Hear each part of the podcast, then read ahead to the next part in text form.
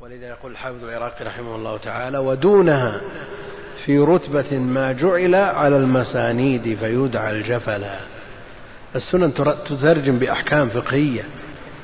ولذا المؤلف حينما يذكر الحديث الذي ترجم عليه بحكم شرعي يستدل بهذا الحديث على ذلك الحكم.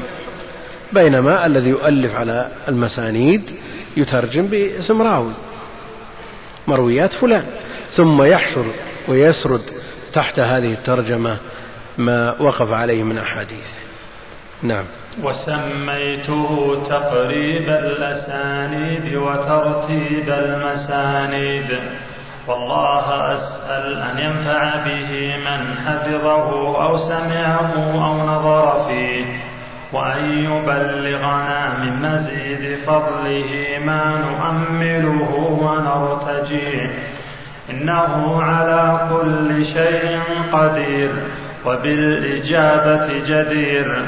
ورأيت الابتداء بحديث النية مسندا بسند آخر لكونه لا يشترك مع ترجمة أحاديث عمر.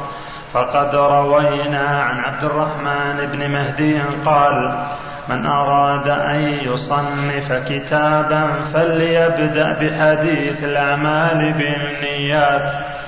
نعم. بدأ بحديث الأعمال بالنيات لقول عبد الرحمن بن مهدي قول الشافعي يدخل في سبعين بابا وقول جمع من أهل العلم أنه ثلث العلم أو نصفه أو ربعه على ما سيأتي في شرح الحديث إن شاء الله تعالى. لكن الحديث خرم شرط الكتاب. إيراد لهذا الحديث من أجل هذا المقصد خرم به شرطه في الكتاب.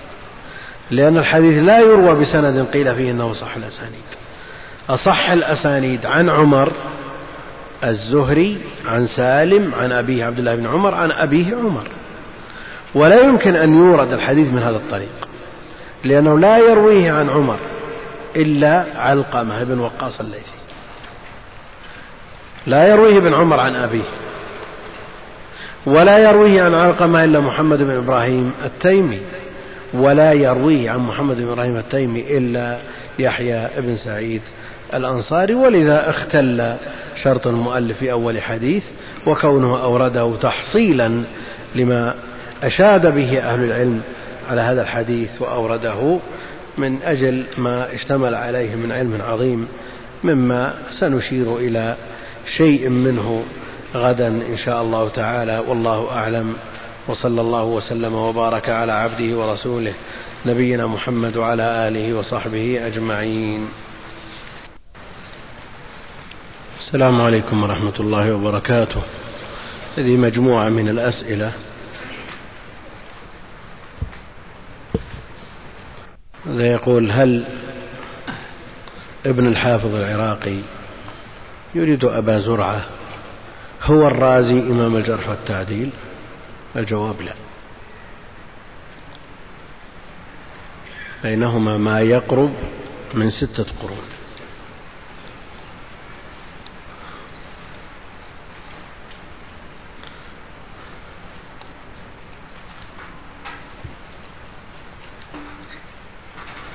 يقول ما المراد بمنهج المتقدمين في الحديث ومنهج المتأخرين؟ ما الفرق بينهما؟ هذه مسألة سبق طرحها مرارا وننقشت. يقول أين يلتقي المستخرج مع صاحب الكتاب؟ هو مع هل هو مع شيخ البخاري أو مع شيخ شيخه؟ المقصود أن يروي الأحاديث من غير طريق صاحب الكتاب. يروي من طريق شيخه أو من طريق شيخ شيخه إلى الصحابي.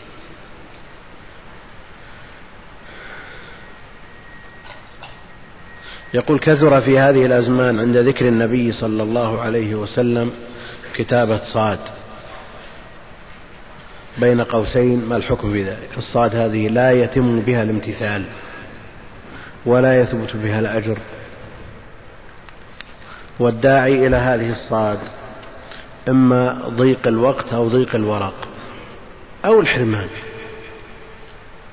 فإن كان الداعي إلى يضيق الوقت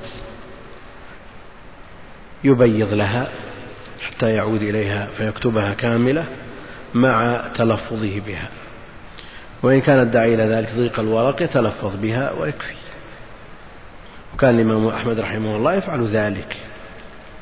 أما أن يكتب صاد أو يأخذ من كل كلمة حرف فيكتب صاد لام عين ميم. هذا أيضا لا تتأدى به السنة ولا يتم به امتثال الأمر. ويذكر أهل المصطلح أن أول من كتب صلعا قطعت يده.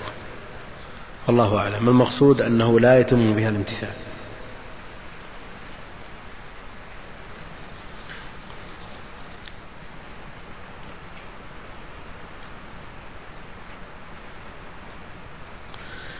يقول ما رأيكم من يقول إنه بعد ما دونت الدواوين وقيدت الأحاديث بأسانيدها في الكتب فإنه لا حاجة لحفظ الأسانيد سيما إذا كان على حساب متون الأحاديث وفقهها.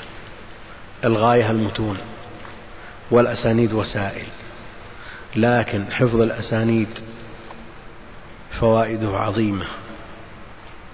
لو لم يكن عندك من معرفة الرجال إلا أنك تستروح وتستصحب الحكم.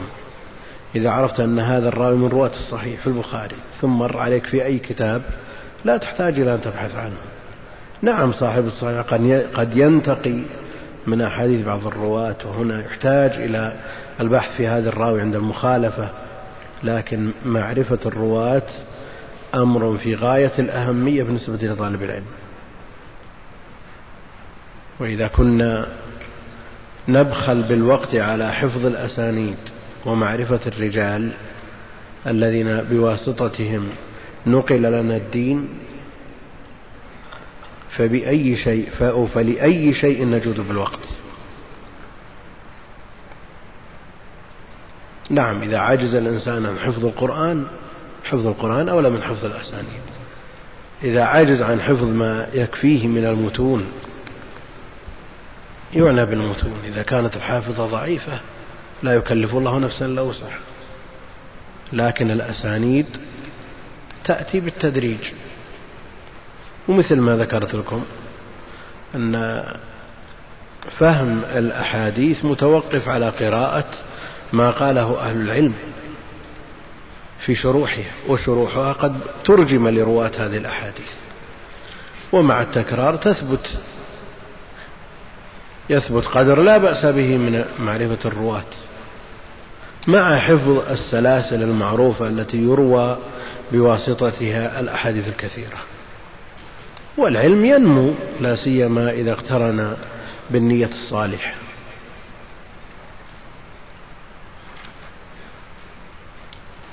يقول من أراد أن حفظ متن من متون المصطلح بأيها يبدأ وأيهما أحسن اقتصار على واحد منها وجمع بينها أما بالنسبة لدراسة كتاب أو دراسة كتب هذه ما تضر. الكلام في حفظ متن لا سيما النظم كما أشرنا سابقا. إذا بدأ بالنخبة وقرأ ما كتب حولها وقرأها على شيخ وسمع الدروس المسجلة وفهم النخبة ثم بعد ذلك قرأ اختصار علوم الحديث ابن كثير تأهل لفهم الألفية وحفظها ألفية الحافظ العراقي.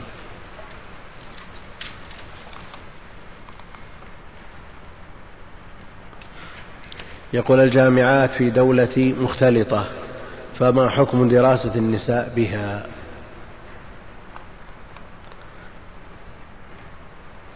خروج النساء من البيوت خلاف الأصل. خلاف الأصل. الأصل وقرن في بيوتكن. أجيز الخروج مع أنه خلاف الأصل للمصلحة الراجحة. للمصلحة الراجحة. الخالية عن المفاسد. ودرء المفاسد في الشرع مقدم على جلب المصالح. وتعلم القدر الزائد مما يجب تعلمه مما يقيم العبادات على الوجه المطلوب مستحب عند أهل العلم ليس بواجب. والاختلاط حرام. اختلاط الرجال بالنساء الأجانب محرم. وعرفنا أن درء المفاسد مقدم على جلب المصالح. ولو تبقى المرأة في بيتها عامية لا تقرأ ولا ولا تكتب وجل نساء المسلمين في جميع العصور على هذه الحال.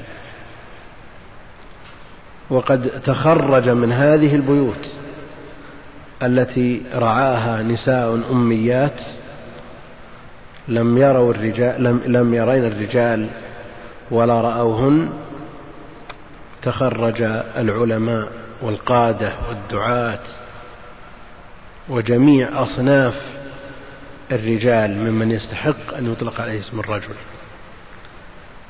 وهن أميات. لكن هذه المرأة إذا خرجت ولو كان قصدها حسن لتعلم العلم والغالب أنه لا يجتمع الإخلاص في تحصيل العلم مع وجود مثل هذا الاختلاط. والإخلاص عزيز وعلم بدون إخلاص وبال على صاحبه. علم بدون إخلاص وبال على صاحبه. والنية من تحصيلها النية الصالحة خالصة من أصعب الأمور. فإذا كانت مجرد النظرة ومسارقة النظر يعاقب الإنسان عليها بنسيان بعض ما حفظ فكيف بالاختلاط التام بين الجنسين؟ على كل حال تعيش المرأة أمية لا تقرأ ولا تكتب أفضل من التدريس المختلط.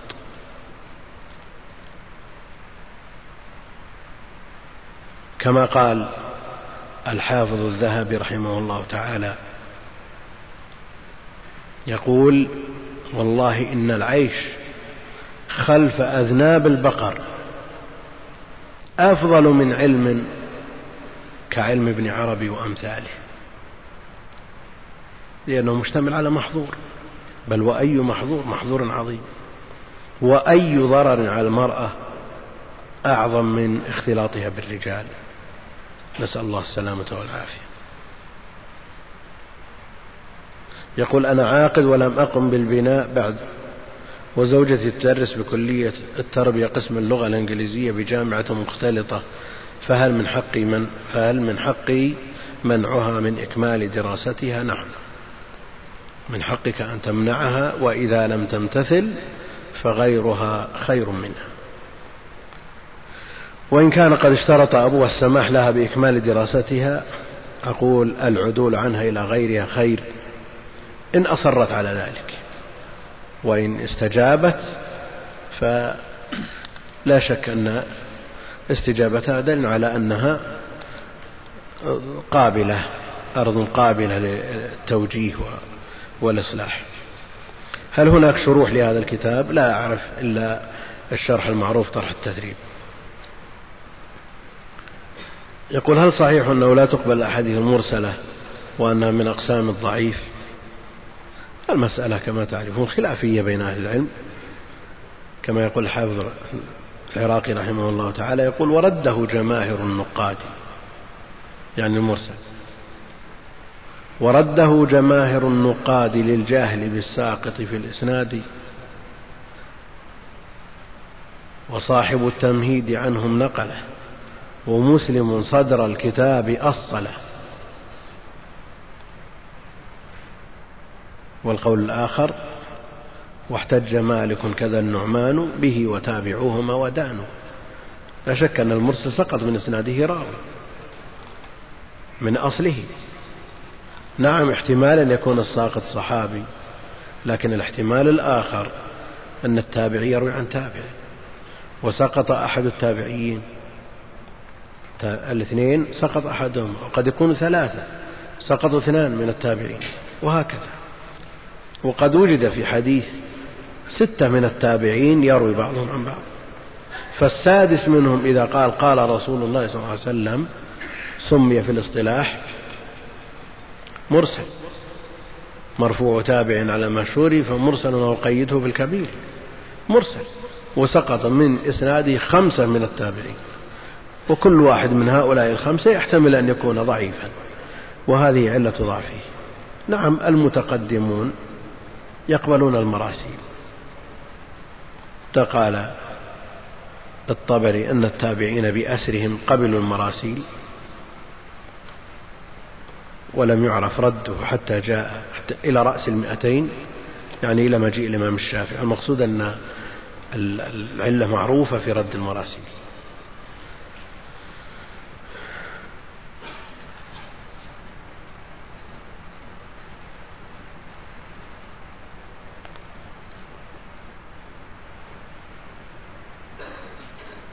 يقول ورد في بعض الأحاديث أن الله له يد شمال ورد في أحاديث أخرى أن شمال الله يمين.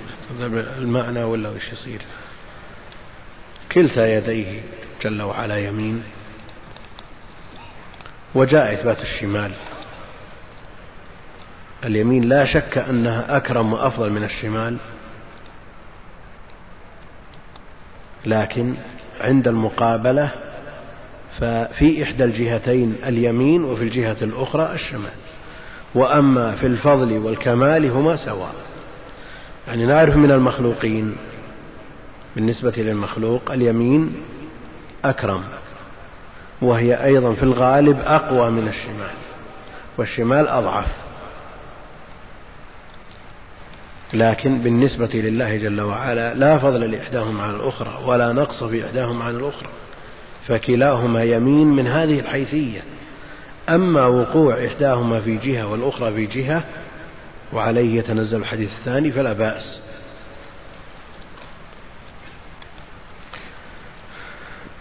تعالى الله جل وعلا عن مشابهة المخلوق كما تعالى عما يقوله الظالمون علوا كبيرا. أسئلة كثيرة بعضها. يقول ما رأيكم في حفظ البلوغ وتقريب الأسانيد؟ البلوغ أشمل. من أراد أن يقتصر على كتاب واحد فالبلوغ أنفع له لكن المفاضلة بين البلوغ والمحرر هي التي تحتاج إلى مزيد بسط.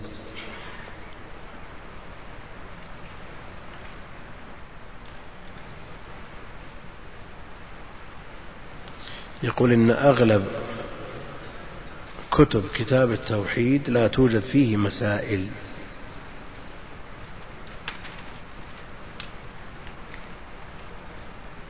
لا الأغلب فيها مسائل.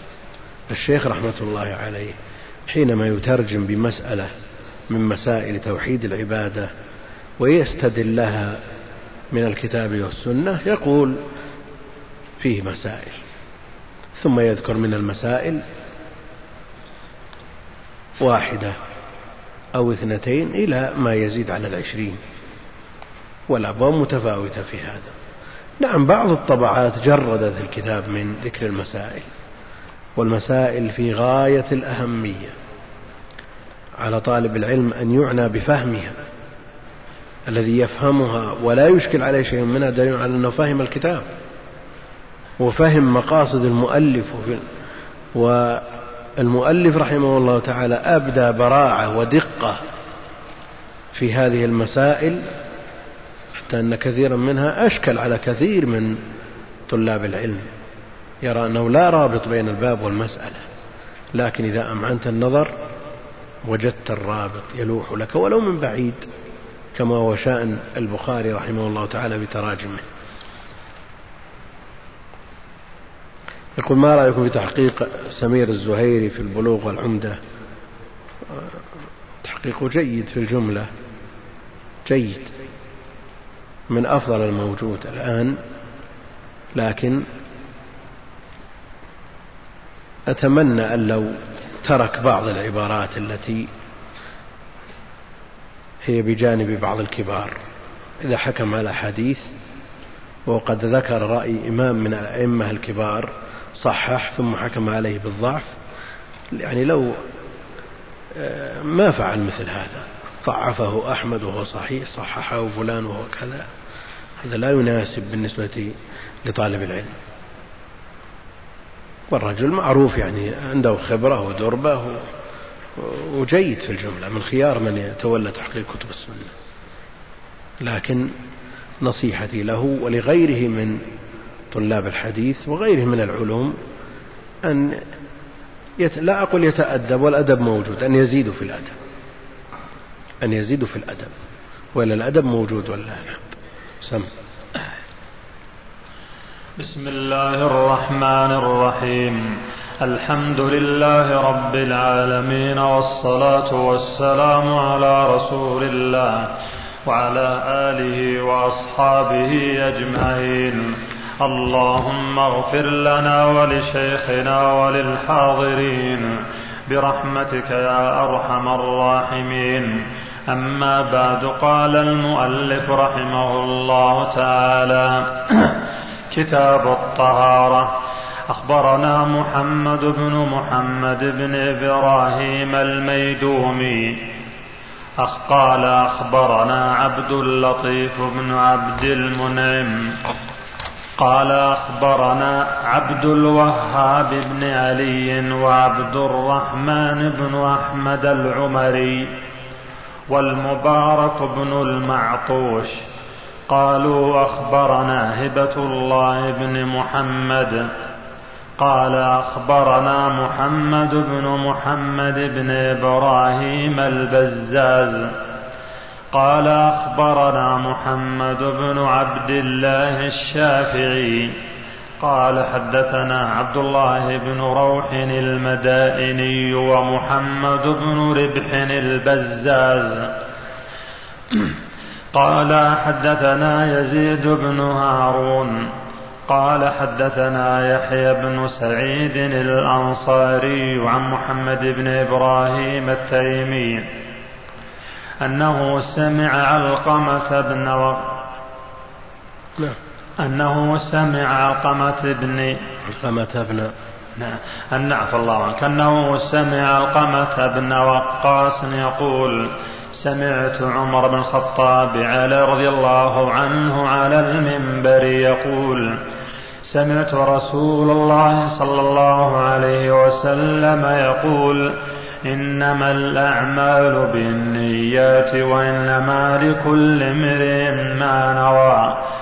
فمن كانت هجرته إلى الله وإلى رسوله فهجرته إلى الله وإلى رسوله.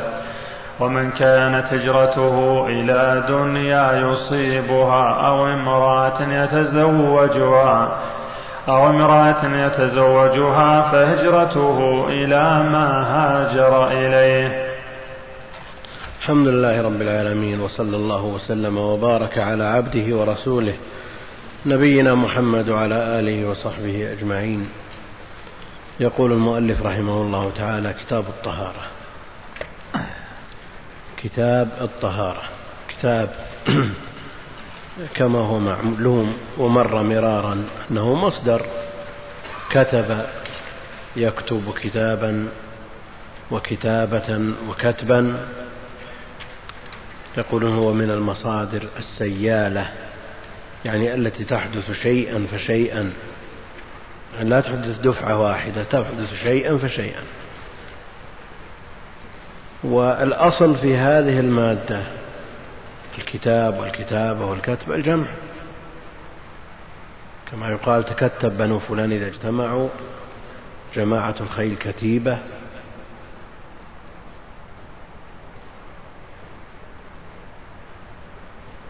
يقول الحريري في مقاماته وكاتبين وما خطت أناملهم حرفا ولا قرأوا ما خط في الكتب. وكاتبين وما خطت أناملهم حرفا ولا قرأوا ما خط في الكتب. يعني بذلك من؟ نعم. إيش؟ الخياط. الأنبياء. إيش؟ الأنبياء. لا لا. نعم. نعم يعني بذلك خرازين. الخرازين الذين يخرزون الجلود. يخيطون بعضها في بعض. لأنهم يجمعون صفائح الجلود من هذه الحيثية. يجمعونها فيخرزونها. يخيطون بعضها ببعض. فهم لجمعهم هذا الشيء المتفرق قيل لهم كاتبون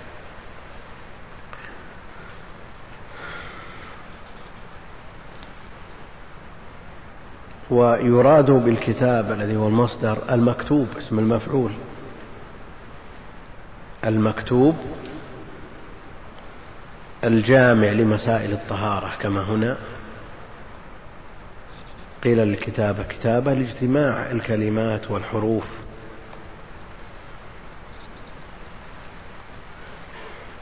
وكتاب خبر لمبتدأ محذوف عند الأكثر. تقدير هذا كتاب كتاب مضاف طهارة مضاف إليه. ومنهم من يقدر خبر لهذا المبتدأ ومنهم من يقدر فعل اقرأ كتابا والخطب سهل. الطهارة مصدر طهر يطهر طهارة. والأصل فيها النظافة والنزاهة من الأقذار. والمراد بها هنا استعمال الماء أو ما يقوم مقامه لرفع الحدث أو إزالة الخبث. المؤلف رحمه الله تعالى بدأ بحديث الأعمال بالنيات وأدخله في كتاب الطهارة. كما ذكر عن عبد الرحمن بن مهدي قال من أراد أن يصنف كتابا فليبدأ بحديث الأعمال بالنيات. لكن هل الأولى إيراد الحديث قبل الترجمة أو بعد الترجمة؟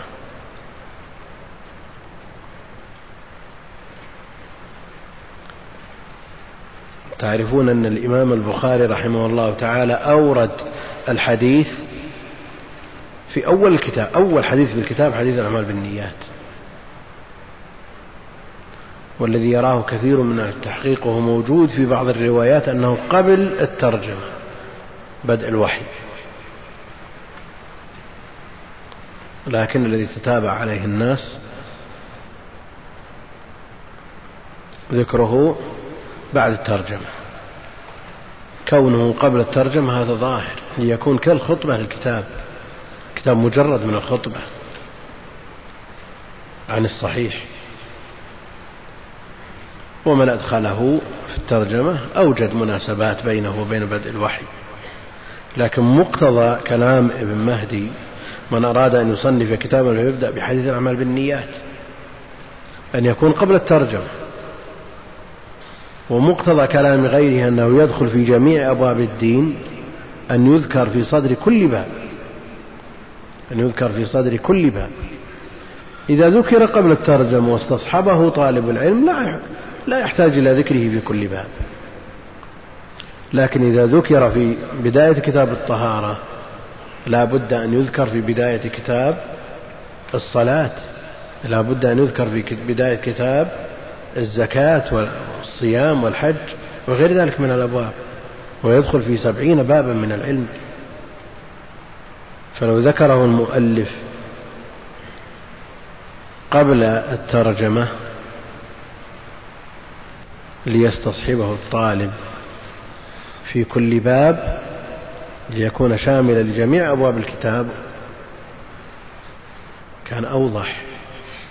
على أنهم يذكرون الحديث المشترك بين أبواب في أول موضع ويكتفون بذكره في ذلك الموضع ما استصحابه في المواضع الأخرى والأمر سهل. الإمام البخاري رحمه الله تعالى افتتح الكتاب بحديث الأعمال بالنيات. ليبين رحمه الله تعالى كما قال الشراح أن علم السنة وحي وأنه من علوم الآخرة المحضة التي لا تقبل التشريك. لا تقبل التشريك. فأول ما ينبغي أن يقرأ في أي كتاب من كتب العلوم الشرعية حديث الأعمال بالنيات لأن صلاح النية وإخلاص العمل هو الشرط الأول من شروط القبول كما هو معروف والشرط الثاني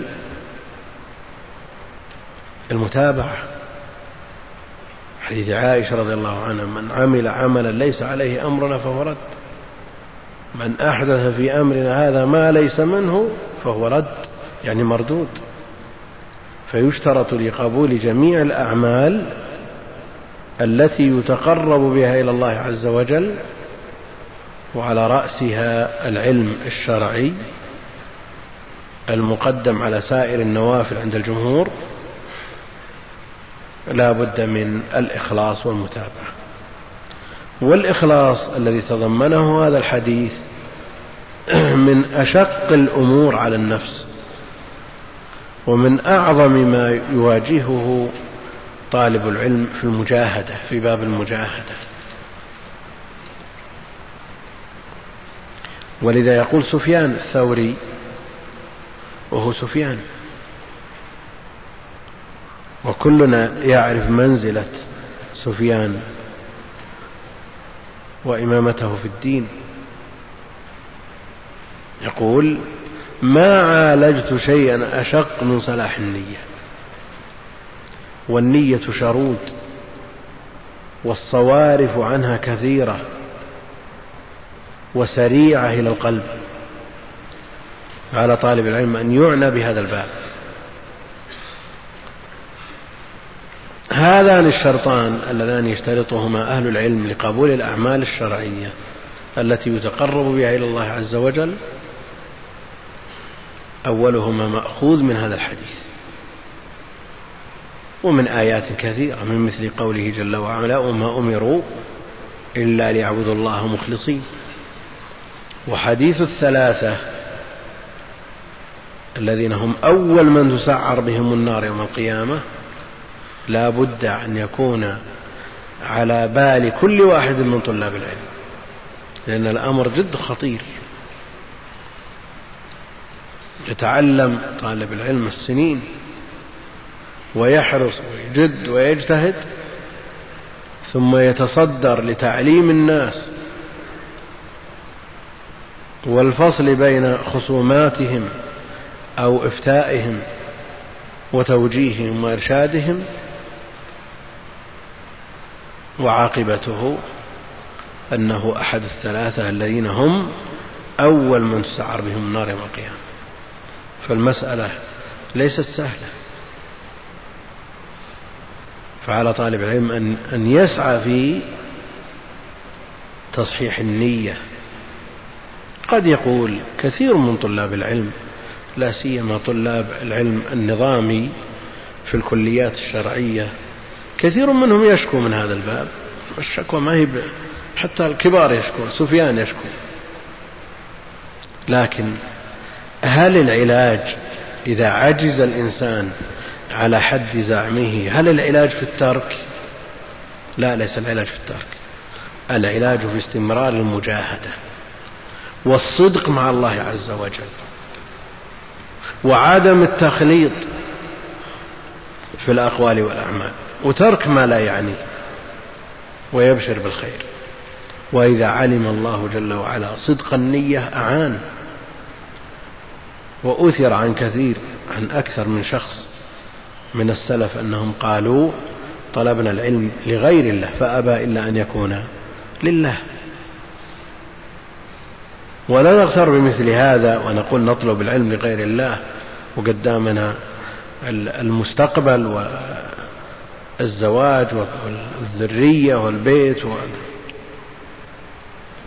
لا لا لا نسترسل في هذا. يعني مع المجاهدة ولا نيأس ونصدق اللجأ إلى الله عز وجل بأن يصلح هذه النية التي مدار قبول العمل عليها. بعض أهل العلم يقول لا نحتاج أن نشترط الإخلاص. الشرط الأول لسنا بحاجة إليه. يكفينا أن نقول يشترط في العمل المتابعة. لماذا؟ لأن العمل المجرد عن الإخلاص ليس فيه متابعة. العمل الذي يعمله الإنسان ويؤديه الخالي عن الإخلاص ليس فيه متابعة النبي في الشرط الثاني غير متحقق. ولسنا بحاجة إلى ذكر الشرط الأول. نقول التنصيص على الإخلاص لا بد منه. لا بد منه.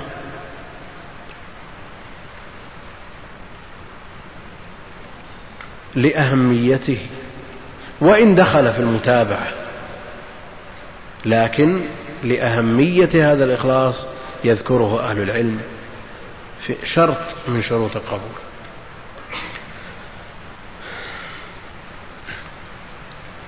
ذكر المؤلف رحمه الله تعالى إسناده لهذا الحديث لأنه لا يدخل تحت شرطه ولا يندرج تحت الأسانيد التي ساقها في المقدمة لأنه لماذا؟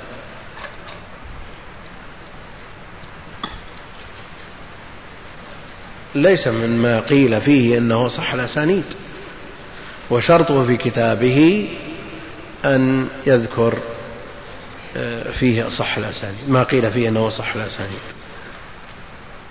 تجدون في بعض الكتب كتب من له عناية بالأسانيد من المتأخرين في السابع والثامن والتاسع يحلون كلامهم أحيانا يذكرون المراسيل والمقاطع في كتبهم وأحيانا يحلون بعض الأخبار بالأسانيد المتصلة من قبلهم إلى من صدر عنه القول. وهذا ظاهر. حافظ العراقي يذكر مثل هذا. ابن سيد الناس يذكر مثل هذا. ابن حجر يذكر مثل هذا.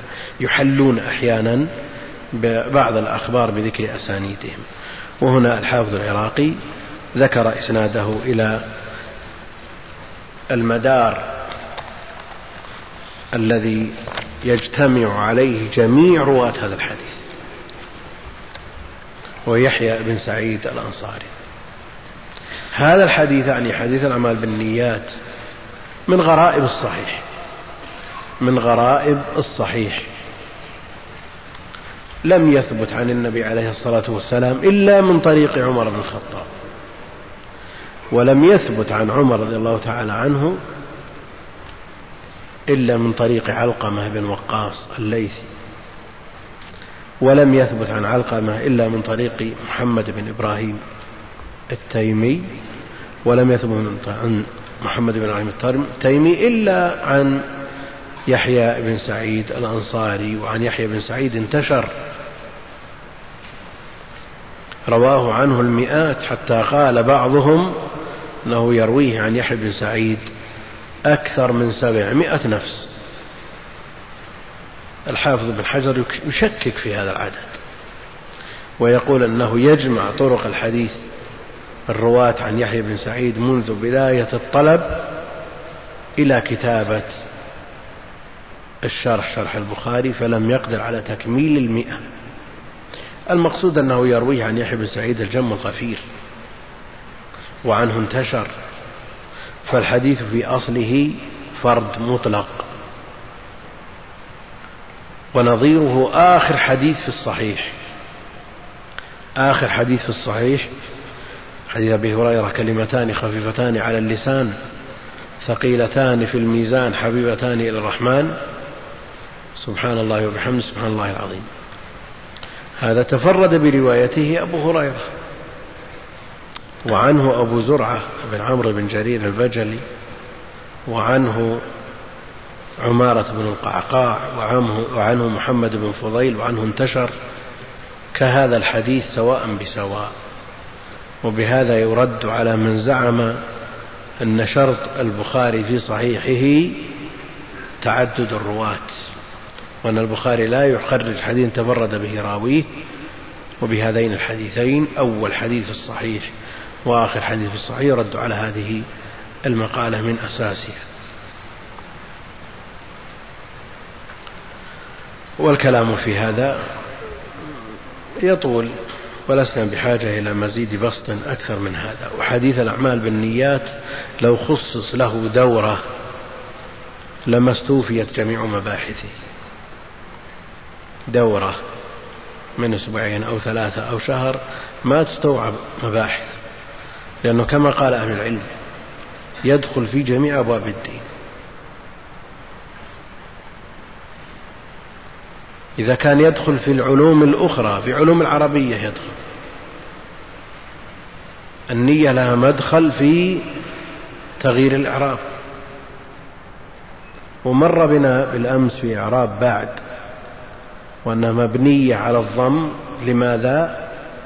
للقطع عن الإضافة مع نية المضاف إليه تغير الإعراب. لكن لو لم ننوي المضاف إليه أعربنا ونونا. فالنية تدخل دخولها في الإيمان لا يحتاج إلى كلام. دخولها في العلم أشرنا إلى شيء منه. دخولها في العبادات أمر أظهر من أن ينبه عليه. أيضا دخولها في البيوع والمعاملات ظاهر. دخولها في المناكحات والأحوال الشخصية. نكاح المحلل وغيره. المقصود أنها تدخل أيضا في الأيمان والنذور وجميع أبواب الدين النية تدخل. فعلى طالب العلم أن يعنى بهذا الحديث وأن يهتم به. وقد شرحه أهل العلم بشروح متفاوتة منها المبسوط ومنها المختصر. ومنها المفرد ومنها المضموم إلى غيره ومنها ما كان ضمن كتاب ومنها إلى آخره. المقصود أن الحديث على طالب العلم أن يعنى به عناية فائقة. يقول رحمه الله تعالى بعد أن ذكر من يدور عليه الحديث يحيى بن سعيد الأنصاري عن محمد بن إبراهيم التيمي أنه سمع علقمة بن وقاص يقول الليثي سمعت عمر بن الخطاب رضي الله عنه على المنبر على المنبر خاطب به رضي الله عنه على المنبر. وفي رواية أنه سمع النبي عليه الصلاة والسلام يخطب به على المنبر. قد يقول قائل كيف يخطب به النبي عليه الصلاة والسلام ولا يثبت إلا عن عمر؟ ويخطب به عن عمر ولا يثبت إلا عن علقمة نقول نعم. الأمة معصومة من أن تفرط بشيء من دينها. لكن إذا نقل الخبر المحتاج إليه في الدين من يثبت الخبر بنقله كفى. ولذا بعض المغرضين يقول أن الأمة فرطت في دينها. الأمة الإسلامية فرطت في دينها. الأئمة الكبار ثبت عنهم أنهم حفظوا مئات الألوف. سبعمائة ألف حديث الإمام أحمد.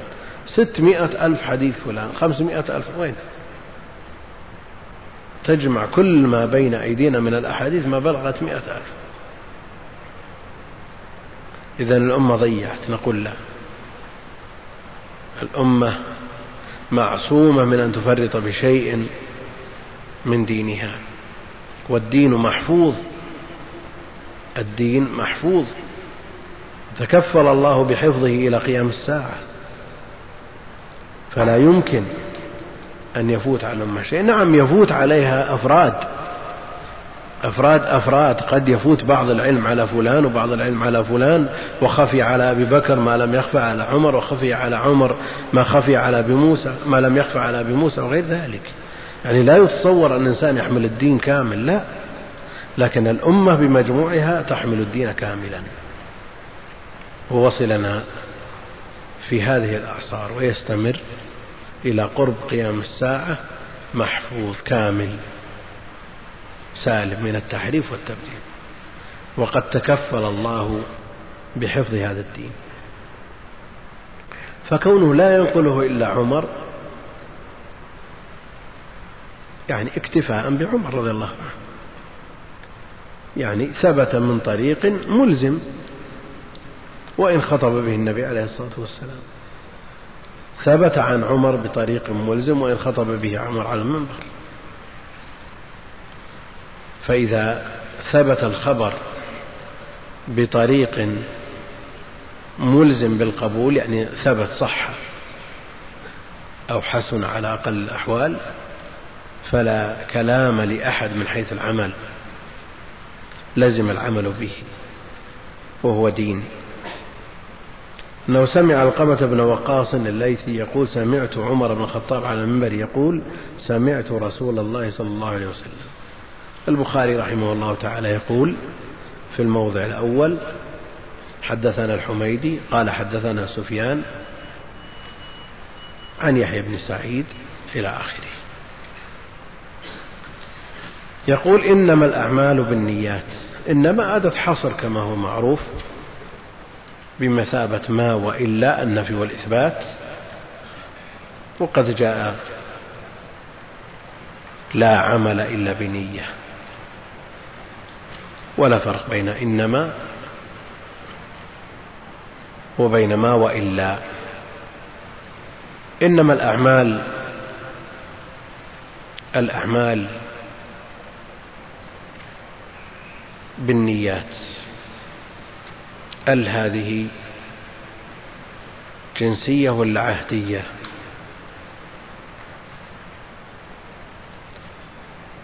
نعم. يعني جميع الأعمال إذا قلنا جنسية كل الأعمال جميع الأعمال بالنيات. جميع الأعمال سواء من ما يتعلق بأمور الدين أو بأمور الدنيا. وجميع الأعمال على اختلاف متعلقها من القلب واللسان والبدن.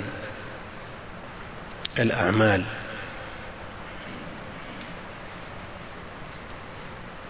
المقصود بالأعمال التي يتقرب بها إلى الله عز وجل. وقد يقول القائل هي جنسية لكن يختلف المتعلق متعلق الجار والمجرور. كل الأعمال بالنيات فما كان منها مما يتقرب به إلى الله عز وجل قدرنا تصح. وإذا كان من أمور الدنيا فثوابها إنما يكون بالنيات. ومعلوم أن النية تحول العادة إلى عبادة. النية تجعل العادة عبادة يثاب عليها الإنسان. المزارع.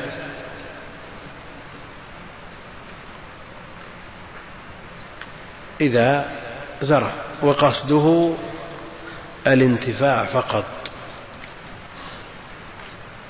ولم يستصحب نية صالحة بأن يأكل منه محتاج بأن يتصدق منه بأن يأكل منه الطير وغيره. لم يستصحب هذا. الصانع كذلك المهندس الطبيب جميع أعمال الدنيا. لكن إن قال الطبيب أنا أتعلم الطب.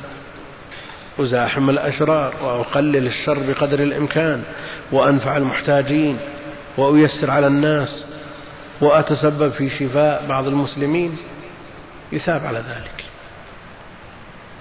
يتقرب بذلك إلى الله عز وجل. المهندس كذلك. المزارع الصانع جميع أمور الدنيا تتحول إلى عبادات يثاب عليها الإنسان بالنية. أما أمور الآخرة فلا كلام. أمور الآخرة تقدم الحديث أنها لا تصح إلا بالنية. نعم هي متفاوتة. يتفاوت أهل العلم ويختلفون في بعض الأعمال. الأعمال تشمل ما يوجد من الأعمال ما يتطلب الإيجاد. وهو عمل البدن وحركته عمل اللسان القول يحتاج إلى نية ليثاب إليه يثاب عليه. عمل البدن يحتاج إلى نية ليثاب عليه. أهل العلم يقولون التروك لا تحتاج إلى نية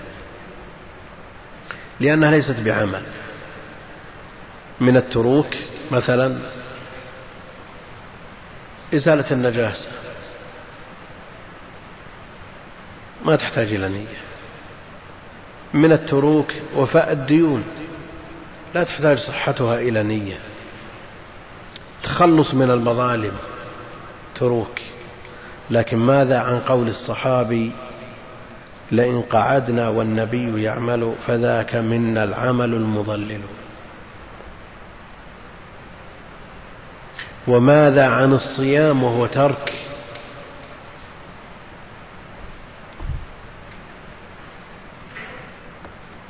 هل نقول أن كلامهم في التروك وانها لا تحتاج إلى نية كلام أغلبي؟ أو نقول أن التروك عمل والعمل يحتاج إلى نية ويخرج ما يخرج من هذه التروك بالأدلة الخاصة بها. لئن قعدنا يعني تركنا العمل مع النبي عليه الصلاة والسلام في بناء المسجد لئن قعدنا والنبي يعمل فذاك منا العمل المضلل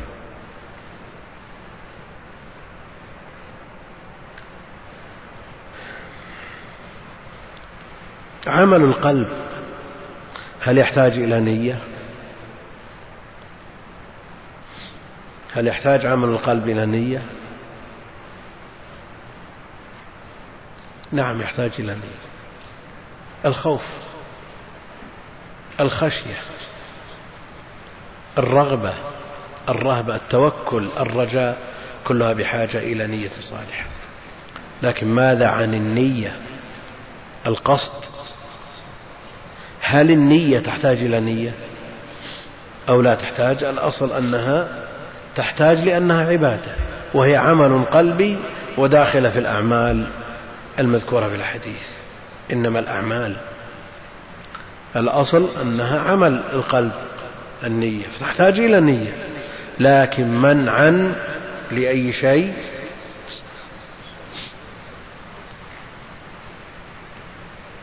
نعم. لا. واحد يقول بيده هكذا صحيح. الدور. منعا للدور يعني لو قلنا أن الإنسان إذا قصد إلى عبادة يحتاج إلى نية لتصحيح هذه العبادة. والنية عمل قلب تحتاج إلى نية. والنية التي قبلها تحتاج إلى نية. ما انتهينا. هذا تسلسل في الماضي. دور دور. وليس بتسلسل. لأن الدور مش تصير تسلسل ولا دور؟ لا. تسلسل يا أخوان. لا تسلسل. تسلسل وليس بدور لأن الدور ترتيب الشيء على شيء مترتب عليه نفسه. أما التسلسل ترتيب شيء مرتب على شيء آخر وآخر على آخر إلى ما لا نهاية. هذا التسلسل نعم وليس بدور. فمنعا للتسلسل الذي لا ينتهي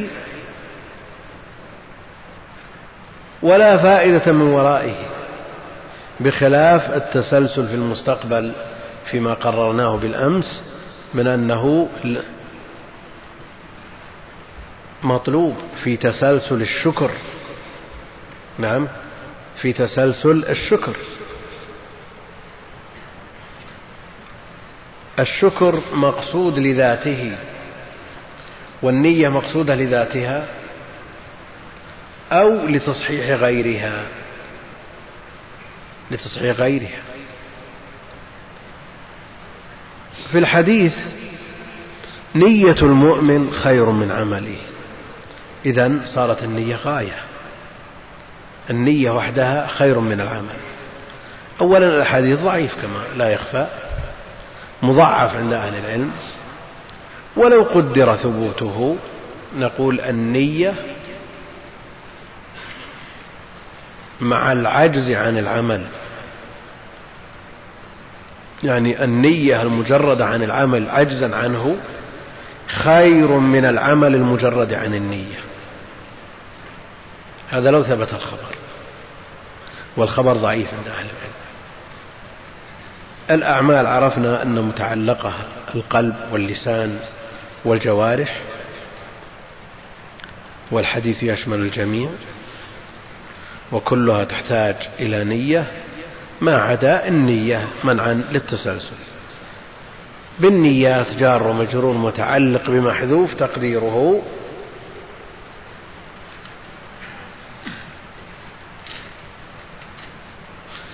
الأصل إن إنما بمثابة ما النافية. فالعمل المنفي هنا حقيقة العمل اللغوية أو حقيقته العرفية أو حقيقته الشرعية. نعم. يعني إذا قلنا إنما الأعمال بالنيات. نضرب مثال أوضح في حديث المسيء صل فإنك لم تصل لو قال أنا صليت. والرسول يقول له لم تصلي. قال لا أنا صليت. هو يثبت حقيقة غير التي نفاها النبي عليه الصلاة والسلام. النبي عليه الصلاة والسلام ينفي الحقيقة الشرعية وهذا يثبت الحقيقة العرفية وقد يثبت الحقيقة اللغوية لتضمنه للدعاء يكون دعا يثبت حقيقة لغوية يثبت حقيقة عرفية لكن الحقيقة الشرعية منفية. وهنا العمل المنفي قد يصلي قد يصوم لكن بغير نية. هل نقول هذا ما صلى ولا صام؟ نقول نعم ما صلى ولا صام. شرعا ما صلى ولا صام. وإن وجدت منه الصورة. وإن وجد منه العمل لغة أو عرفا لكنه شرعا لم يوجد. ونفي الحقيقة الشرعية. أقرب إلى نفي الحقيقة اللغوية من نفي الكمال لأن بعضهم يوجد يقدر إنما الأعمال تكمل بالنيات والصواب تصحيح الأعمال بالنيات. إنما الأعمال تصح بالنيات.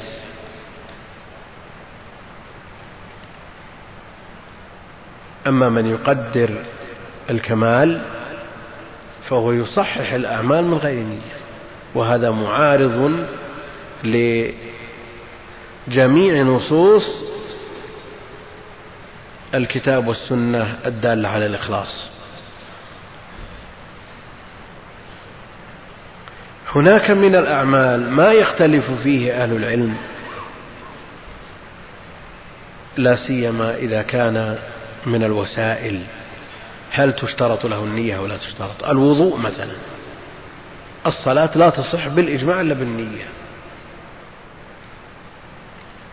الوضوء.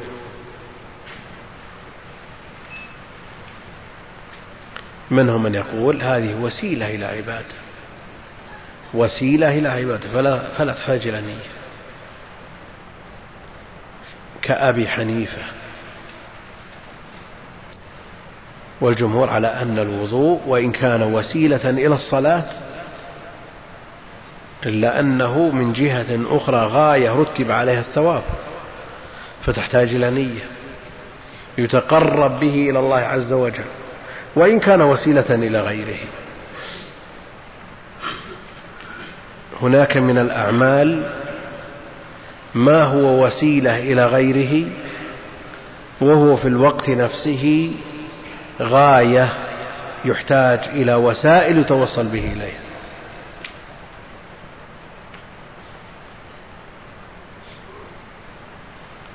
ظاهر ولا ما ظاهر؟ نعم. هو وسيلة إلى الصلاة باعتبار أنه شرط صحتها.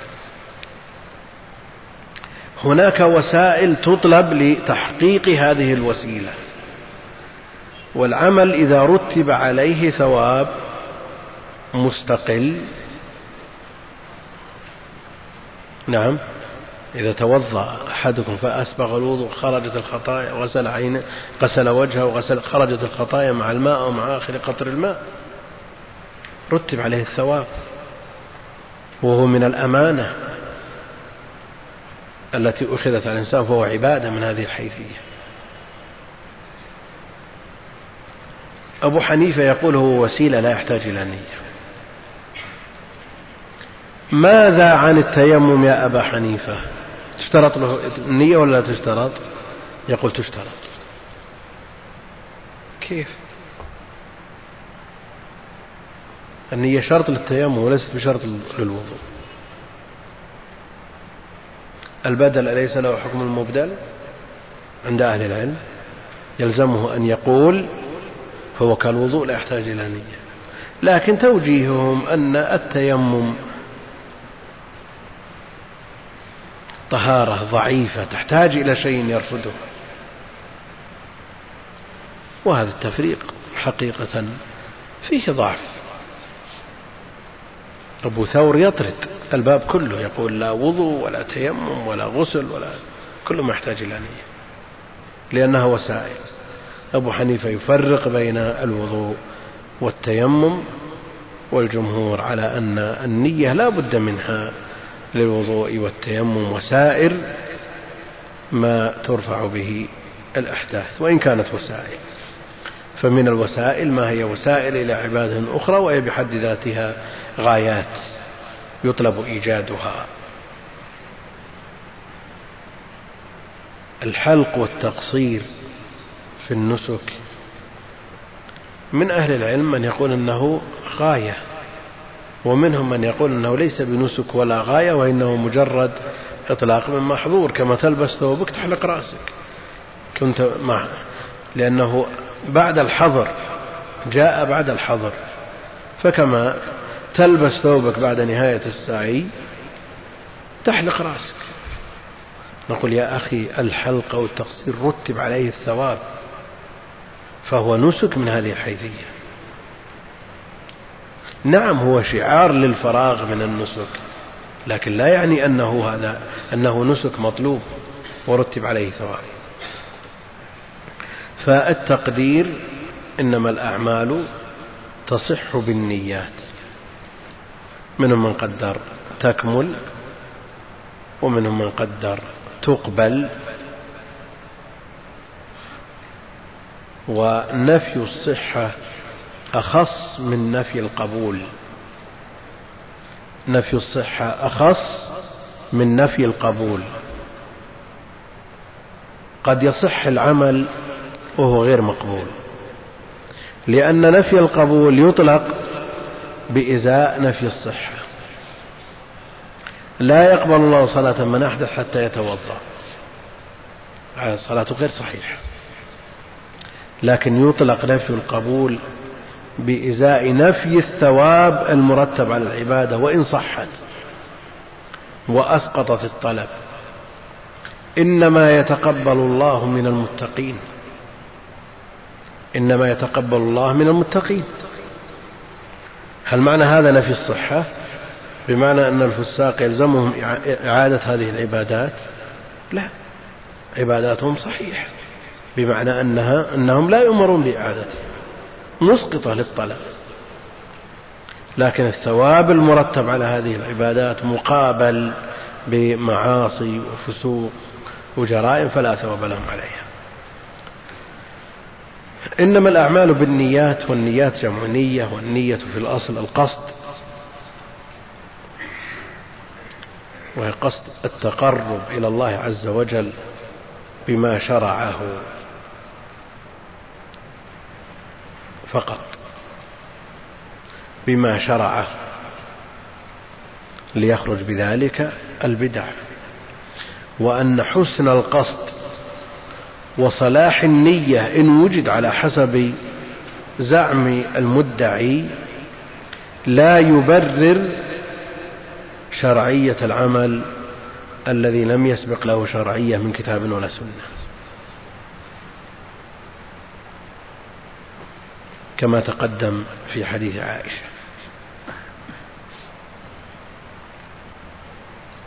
طيب. قد يقول قائل ماذا عن قوله جل وعلا ورهبانية ابتدعوها؟ ما كتبناها عليهم كمل إلا ابتغاء رضوان الله. ابتدعوها. ما معنى الآية يا أخوان؟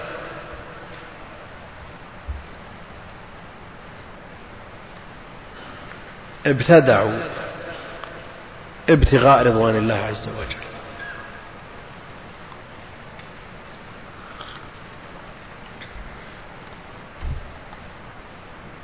نعم.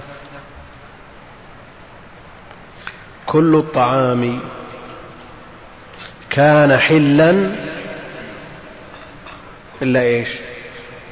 إلا ما حرم إسرائيل على نفسه. يعني حرم إسرائيل على نفسه ابتدأ التحريم. ثم أقر هذا الابتداء. الرهبانية ابتدعوها ثم أقرت.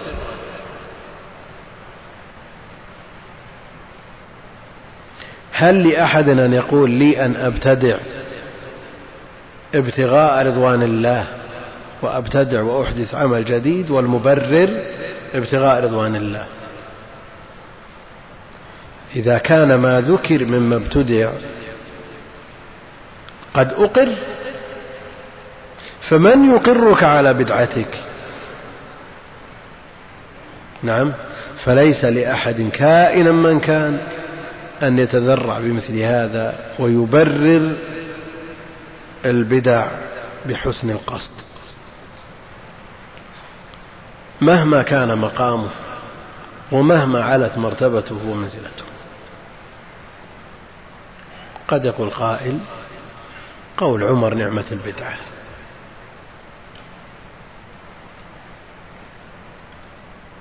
نعمة البدعة. نعم.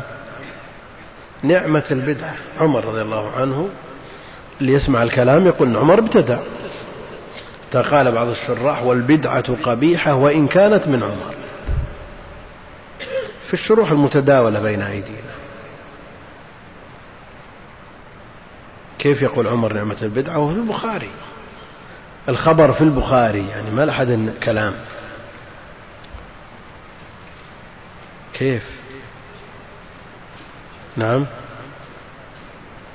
نعم مشاكلة. شيخ الإسلام ومن يتبعه يقول بقوله يقول بدعة لغوية. والشاطبي ومن يقول بقوله يقول مجاز. وهي ليست بدعة لغوية لأنها عملت على مثال سبق فلا ينطبق عليه حد البدعة اللغوية. عملت على مثال سبق صلاها النبي عليه الصلاة والسلام بأصحابه ثلاث ليالي. ثم تركها لا نسخا عنها لها ولا رغبة عنها ولا عدولا عنها إنما خشية أن تفرض فتركها. لما أمن عمر رضي الله عنه من مما خشيه النبي عليه الصلاة والسلام أحيا هذه السنة وليست ببدعة. فعمر رضي الله عنه سماها بدعة على سبيل التنزل مشاكلة مجانسة في التعبير. كأن قائلا قال لعمر أو عمر رضي الله عنه خشي أن يقال له ابتدعت في الدين فقال نعمة البدعة. والمشاكلة والمجانسة عند العلماء من يكتب في البديع لا يشترطون أن يكون القول الذي قيل والمثير للقول المطلوب قول محقق حقيقة أو تقديرا يقولون. وهنا ندخل كأن قائلا قال لعمر ابتدعت يا عمر. عمر رضي الله عنه خشي أن يقال له ابتدعت. وهذه سنة أحياها عمر رضي الله عنه. فله أجرها وأجر من عمل بها إلى يوم القيامة إن شاء الله تعالى. الوقت الوقت. إنما الأعمال بالنيات وإنما لكل امرئ ما نوى. إنما الأعمال تصح بالنيات. وإنما لكل امرئ ما نوى. يعني ليس للإنسان من عمله إلا ما نواه.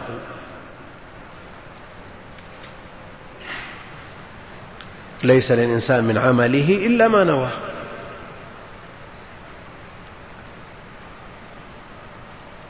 لم ينوي العمل كاملا إنما الأعمال بالنيات. نوى العمل من بدايته والباعث له النية الصالحة لكن عزبت هذه النية عن بعض هذا العمل ليس له من عمله إلا ما نواه. ويشهد له حديث أن بعض الناس يخرج من صلاته وليس له أو لم يكتب له منها إلا الخمس الربع العشر. لأنه ليس له من صلاته إلا ما عقل ليس له من صلاته إلا ما عقل وهنا تبحث مسألة التشريك في العبادة. عمر رضي الله عنه يجهز الجيوش وهو في الصلاة. ما جعل الله لرجل من قلبين في جوفه يمكن أن يجهز الجيوش ويعقل صلاته؟ لا نشك في أن الباعث والناهز والمثير للصلاة هو النية الصالحة الخالصة. شخص وهو يصلي يتذكر في قلبه بعض المسائل العلمية. شخص يتدبر ما يسمع من القرآن.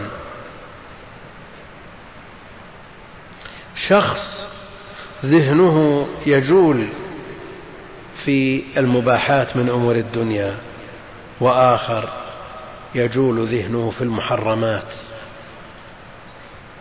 وثالث يبكي والقرآن يتلى عليه بصوت مؤثر وعرفنا أن التأثير للقرآن المؤدى بالصوت وليس للصوت كما هو معروف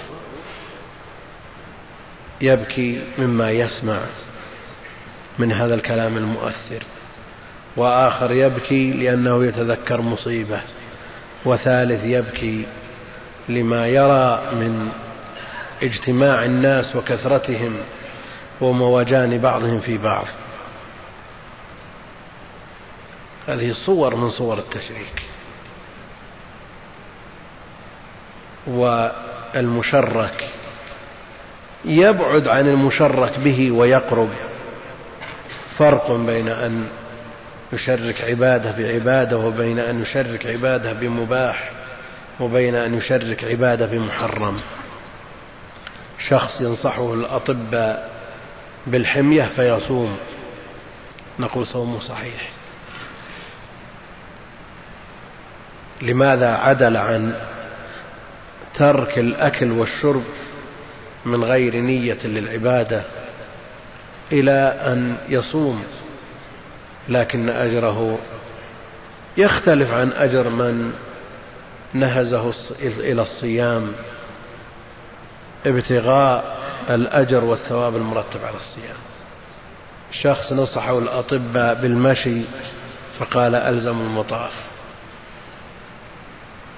وبين شخص يطوف ابتغاء وجه الله عز وجل من غير نظر آخر لكن الطواف صحيح والصيام صحيح وشتان بين أجر هذا وهذا وإنما لكل امرئ ما نوى. وهذا الباب يطول يعني لو لو استطردنا في ذكر الأمثلة والنظائر يعني والخلاف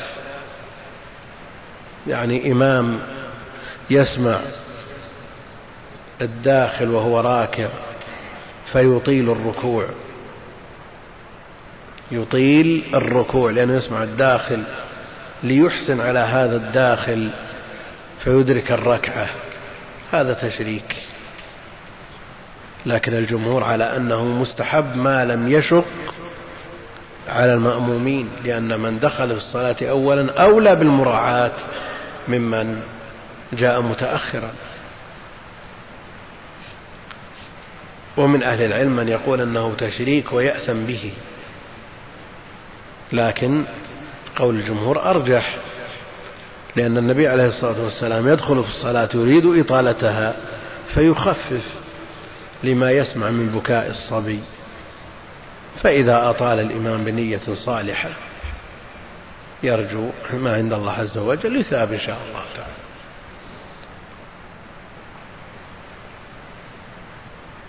وإنما لكل امرئ ما نوى فمن كانت هجرته إلى الله ورسوله فهجرته إلى الله ورسوله.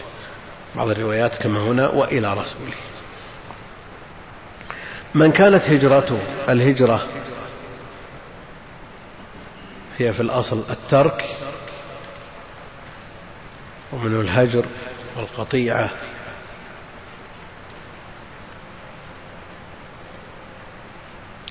وفي الاصطلاح ترك بلاد الكفر إلى بلاد الإسلام وهي واجبة باقية إلى قيام الساعة عند جماهير أهل العلم. ولا يجوز الإقامة بين ظهراني المشركين إلا ما استثني إلا المستضعفين من الرجال والنساء والولدان الذين لا يستطيعون حيلة ولا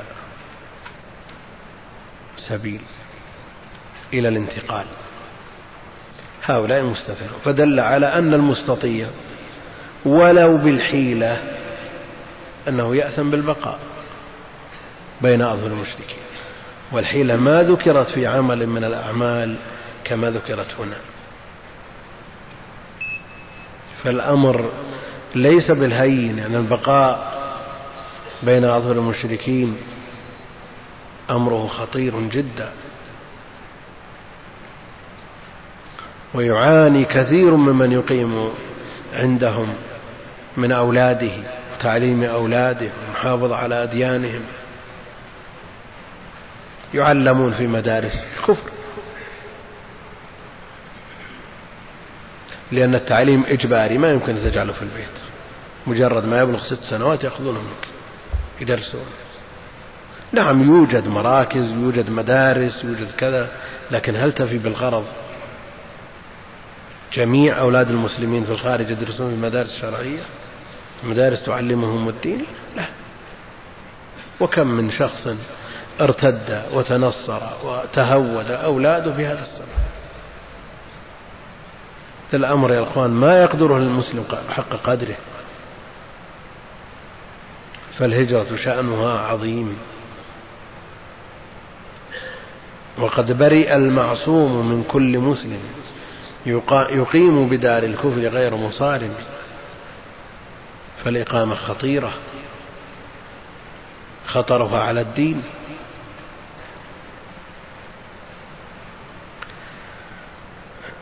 جاء في الحديث الصحيح لا هجرة بعد الفتح ولكن جهاد نية المقصود الهجرة من مكة لما فتحت وصارت دار إسلام لا هجرة منها. أو لا هجرة بعد الفتح فضلها كفضل الهجرة قبل الفتح كما يقرر العلم. وضع المسلمين بعد الفتح اختلف عن وضعهم قبل الفتح. فالهجرة شأنها وثوابها أقل من الهجرة قبل الفتح. الإنفاق في سبيل الله القتال في سبيل الله قبل الفتح شأنه أعظم من القتال بعد الفتح. كما هو معروف كما جاء في لا يستوي منكم من أنفق من قبل الفتح وقاتل.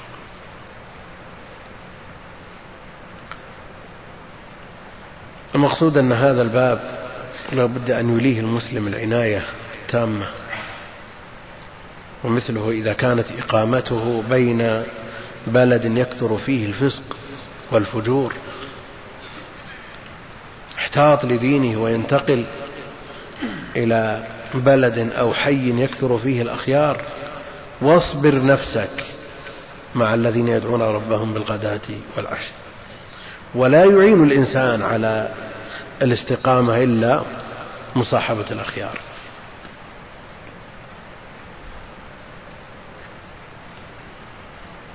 فمن كانت هجرته إلى الله وإلى رسوله فهجرته إلى الله وإلى رسوله. هذه الجملة حذفها الإمام البخاري في الموضع الأول من الصحيح وأثبتها في الموضع الثاني فمن كانت هجرته إلى الله ورسوله فهجرته إلى الله ورسوله. حذفها البخاري. هي ثابتة من طريق الحميدي شيخ شيخ البخاري. فالمجزوم به أن الحذف من البخاري. لماذا حذف البخاري هذه الجملة؟ نعم. نعم.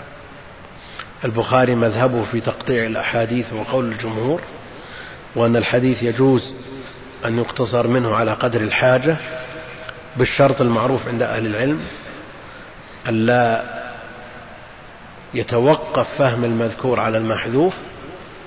مذهب البخاري يستعمل هذا بكثرة.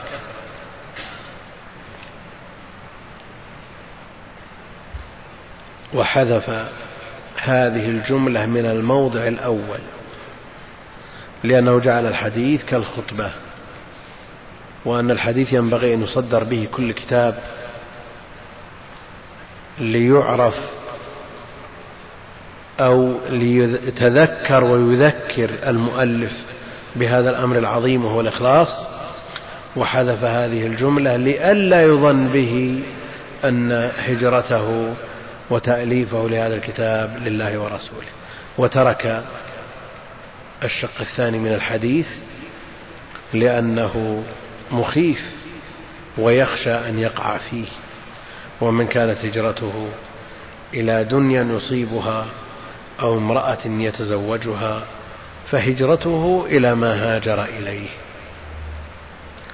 من كانت هجرته إلى دنيا يصيبها أو امرأة فهجرته إلى ما هاجر إليه.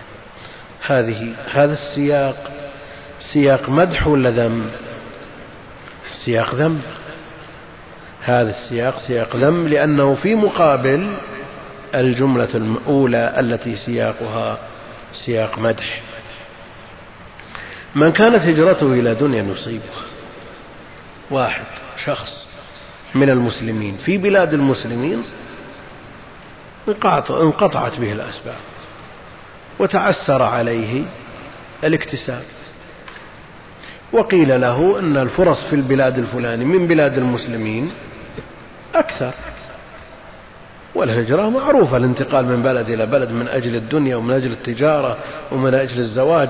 شخص أراد أن يتزوج فلم يجد امرأة وقيل له أن البلد الفلاني يزوجون وكل بلد مسلمين. انتقل من هذا البلد إلى من أجل أن يتزوج أو انتقل من هذا البلد إلى بلد آخر من أجل أن يكتسب. لأن الفرص أكثر أو لأن النساء أكثر في البلد الثاني. يذم ولا ما يذم؟ يذم؟ لا يذم. لا يذم. بل قد يمدح إذا اقترن بذلك نية صالح إذا لم يجد امرأة وقال أنا أبحث عن زوجة تعفني وتحميني بإذن الله جل وعلا عن الحرام وأحصنها ونحقق الهدف الشرعي من الزواج من التكاثر والتناسل يؤجر على هذا. وهنا السياق سياق ذم وهو محمول على من أوهم الناس أن هجرته إلى الله ورسوله وهو في الحقيقة مهاجر إلى دنيا يصيبها أو امرأة يتزوجها. شخص يسكن في بلد ما مثلا فقيل له فرص الرزق في الرياض أكثر من بلدك. فرص الرزق في الرياض أكثر يا أخي. كان ننتقل. ترزق الله. وأخذ يشيع في المجالس أن طرق تيسير أو تسهيل أو تحصيل العلم هناك أكثر والعلماء هناك أوفر ويوحي الناس بهذا بلسان مقاله أو بلسان حاله. نعم. هذا يذم.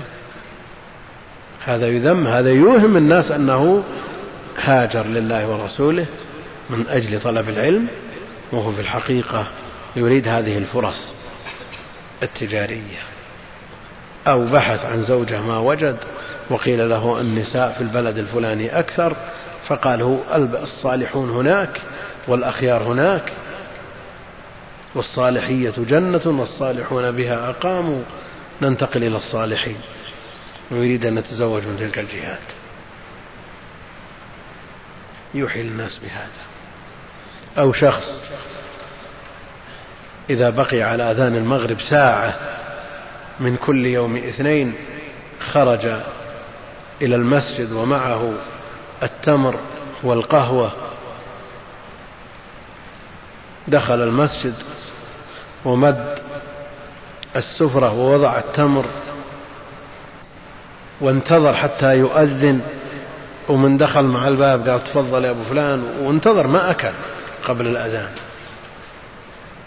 الأكل في المسجد مباح وكونه لا يأكل إلا إذا أذن أيضا ما الذي يمنعه من هذا؟ ما في ما يمنع لكن كونه يوحي للناس بفعله أنه صائم يذم وهو ما صام. الرجل المفترض فيه المسألة ما صام ولا ذكر للناس أنه صائم.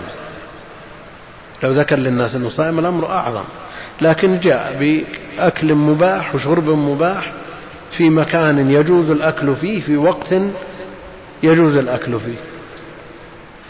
لكن صنيعه يوحي للناس أنه صائم وهنا يذم.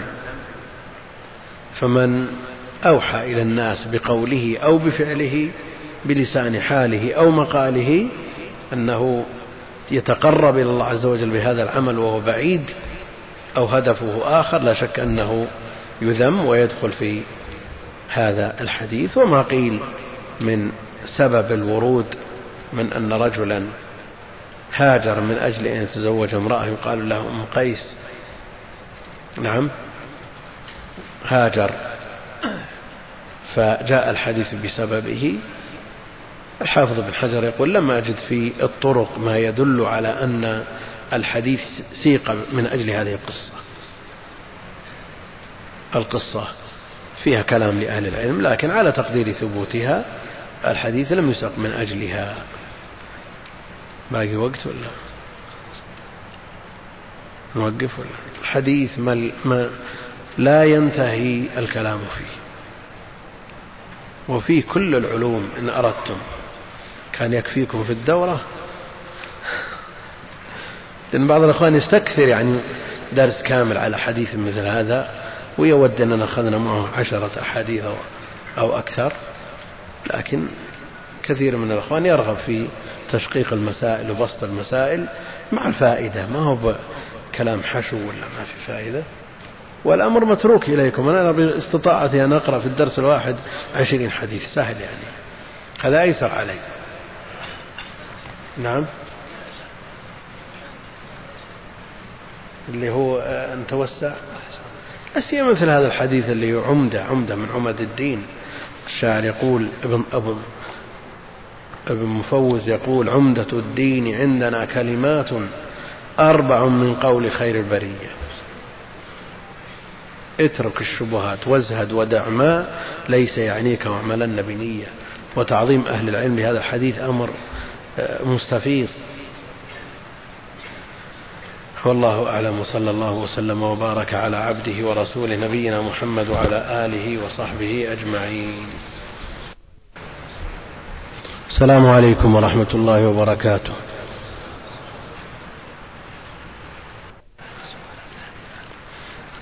يقول هذا أيهما أفضل حفظ ألفية الحديث للسيوطي حيث إنها حوت ألفية العراق وزيادة أو حفظ ألفية العراقي المرجح عندي ألفية العراقي لأنها الأصل. هي أصل ألفية السيوطي. يقول السيوطي في ألفيته واقرأ كتابا تدري منه الاصطلاح كهذه أو أصلها يعني ألفية العراقي وابن الصلاح.